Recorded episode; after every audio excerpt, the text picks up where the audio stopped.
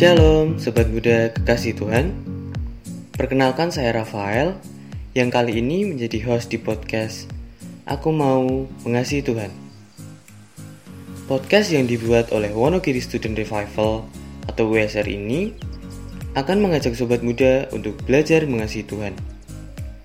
Podcast ini akan rilis setiap hari Jumat jam 3 sore. Jadi, setialah mengikuti setiap serinya ya. Jangan sampai ada yang terlewatkan, supaya sobat muda bisa belajar dengan lengkap dan bisa mengalaminya dalam hidup sobat muda semua.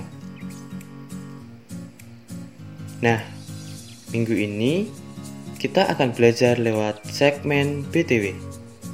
Bincang-bincang teman weekend. Seperti BTW sebelumnya, saya tidak sendirian.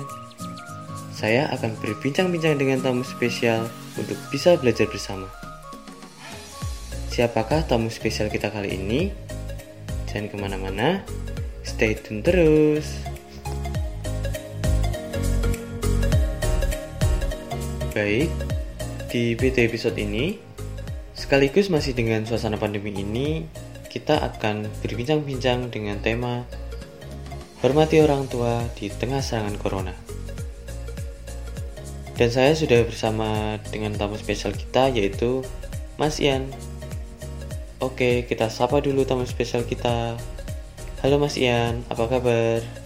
Mas Rafael, puji Tuhan, kabar saya baik dan sehat. Semoga Mas Rafael dan sobat muda semua dalam keadaan yang baik dan sehat juga ya. Puji Tuhan, kabar saya juga baik dan sehat, Mas. Oke, hari ini kita masih akan ngobrolin tentang suasana pandemi ini, Mas. Kalau minggu-minggu lalu kita sudah membicarakan studi, kesehatan, dan keuangan. Kali ini kita akan ngobrol-ngobrol tentang relasi dengan orang tua. Kebanyakan sobat muda pasti menjalani masa pandemi ini juga masih tinggal serumah dengan orang tua. Sebenarnya, tantangan seperti apa saja ya mas dalam relasi dengan orang tua di saat pandemi ini? Oke mas Rafael, di masa pandemi ini kebanyakan aktivitas kita berada di rumah ya. Entah sobat muda yang pelajar maupun yang mahasiswa. Karena pembelajaran dan perkuliahan rata-rata masih dilakukan secara online di rumah. Termasuk beberapa orang tua juga ada yang melakukan pekerjaan di rumah atau WFA itu ya.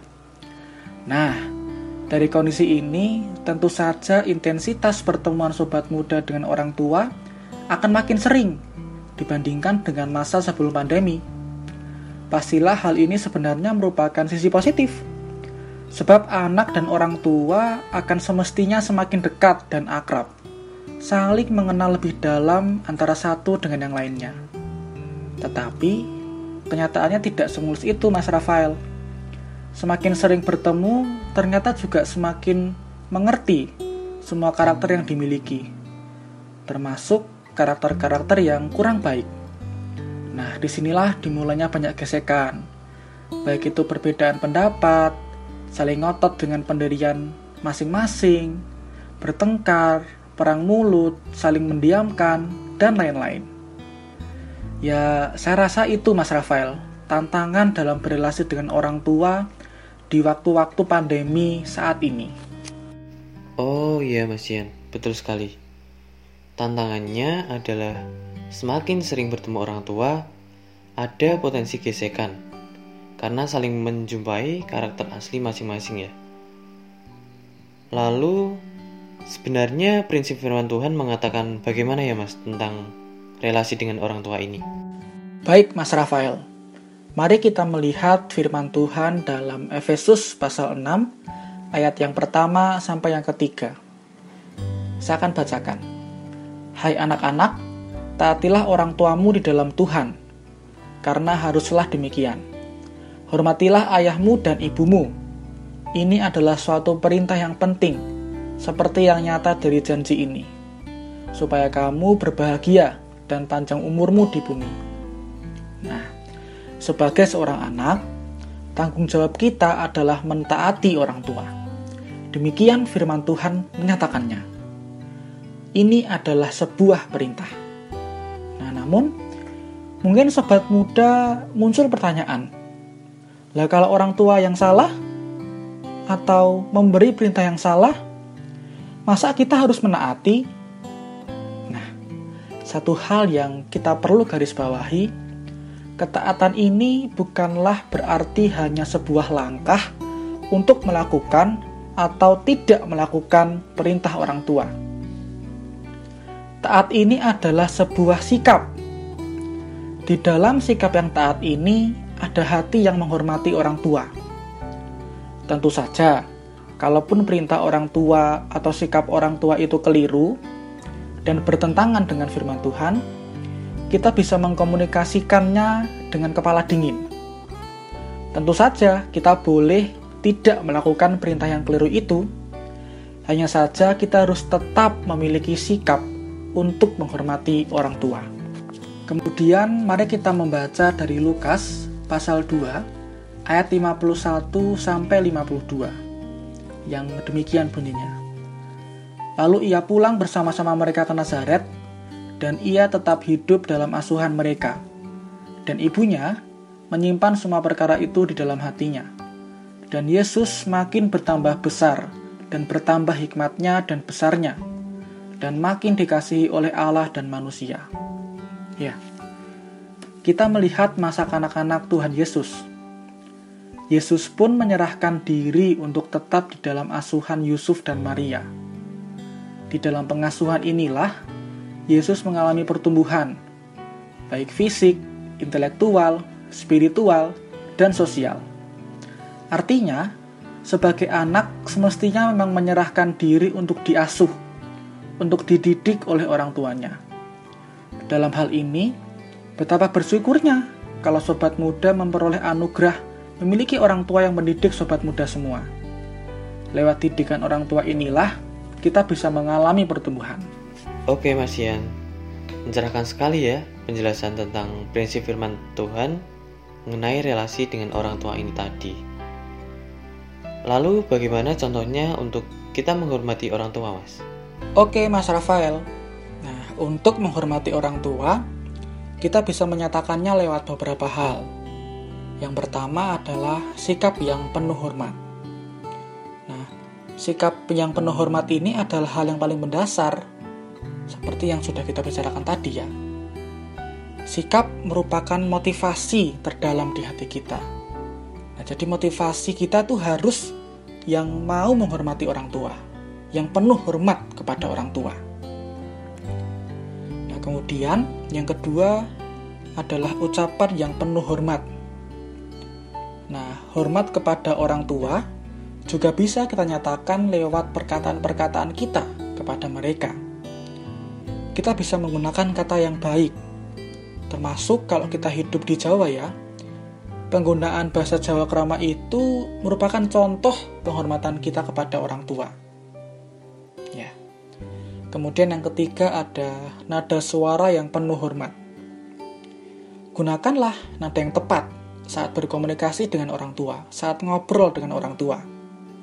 Jangan memakai nada yang tinggi, nada yang kasar, nada yang keras, atau sampai membentak mereka. Nah, jangan demikian. Nah, kemudian yang keempat, ekspresi yang penuh hormat.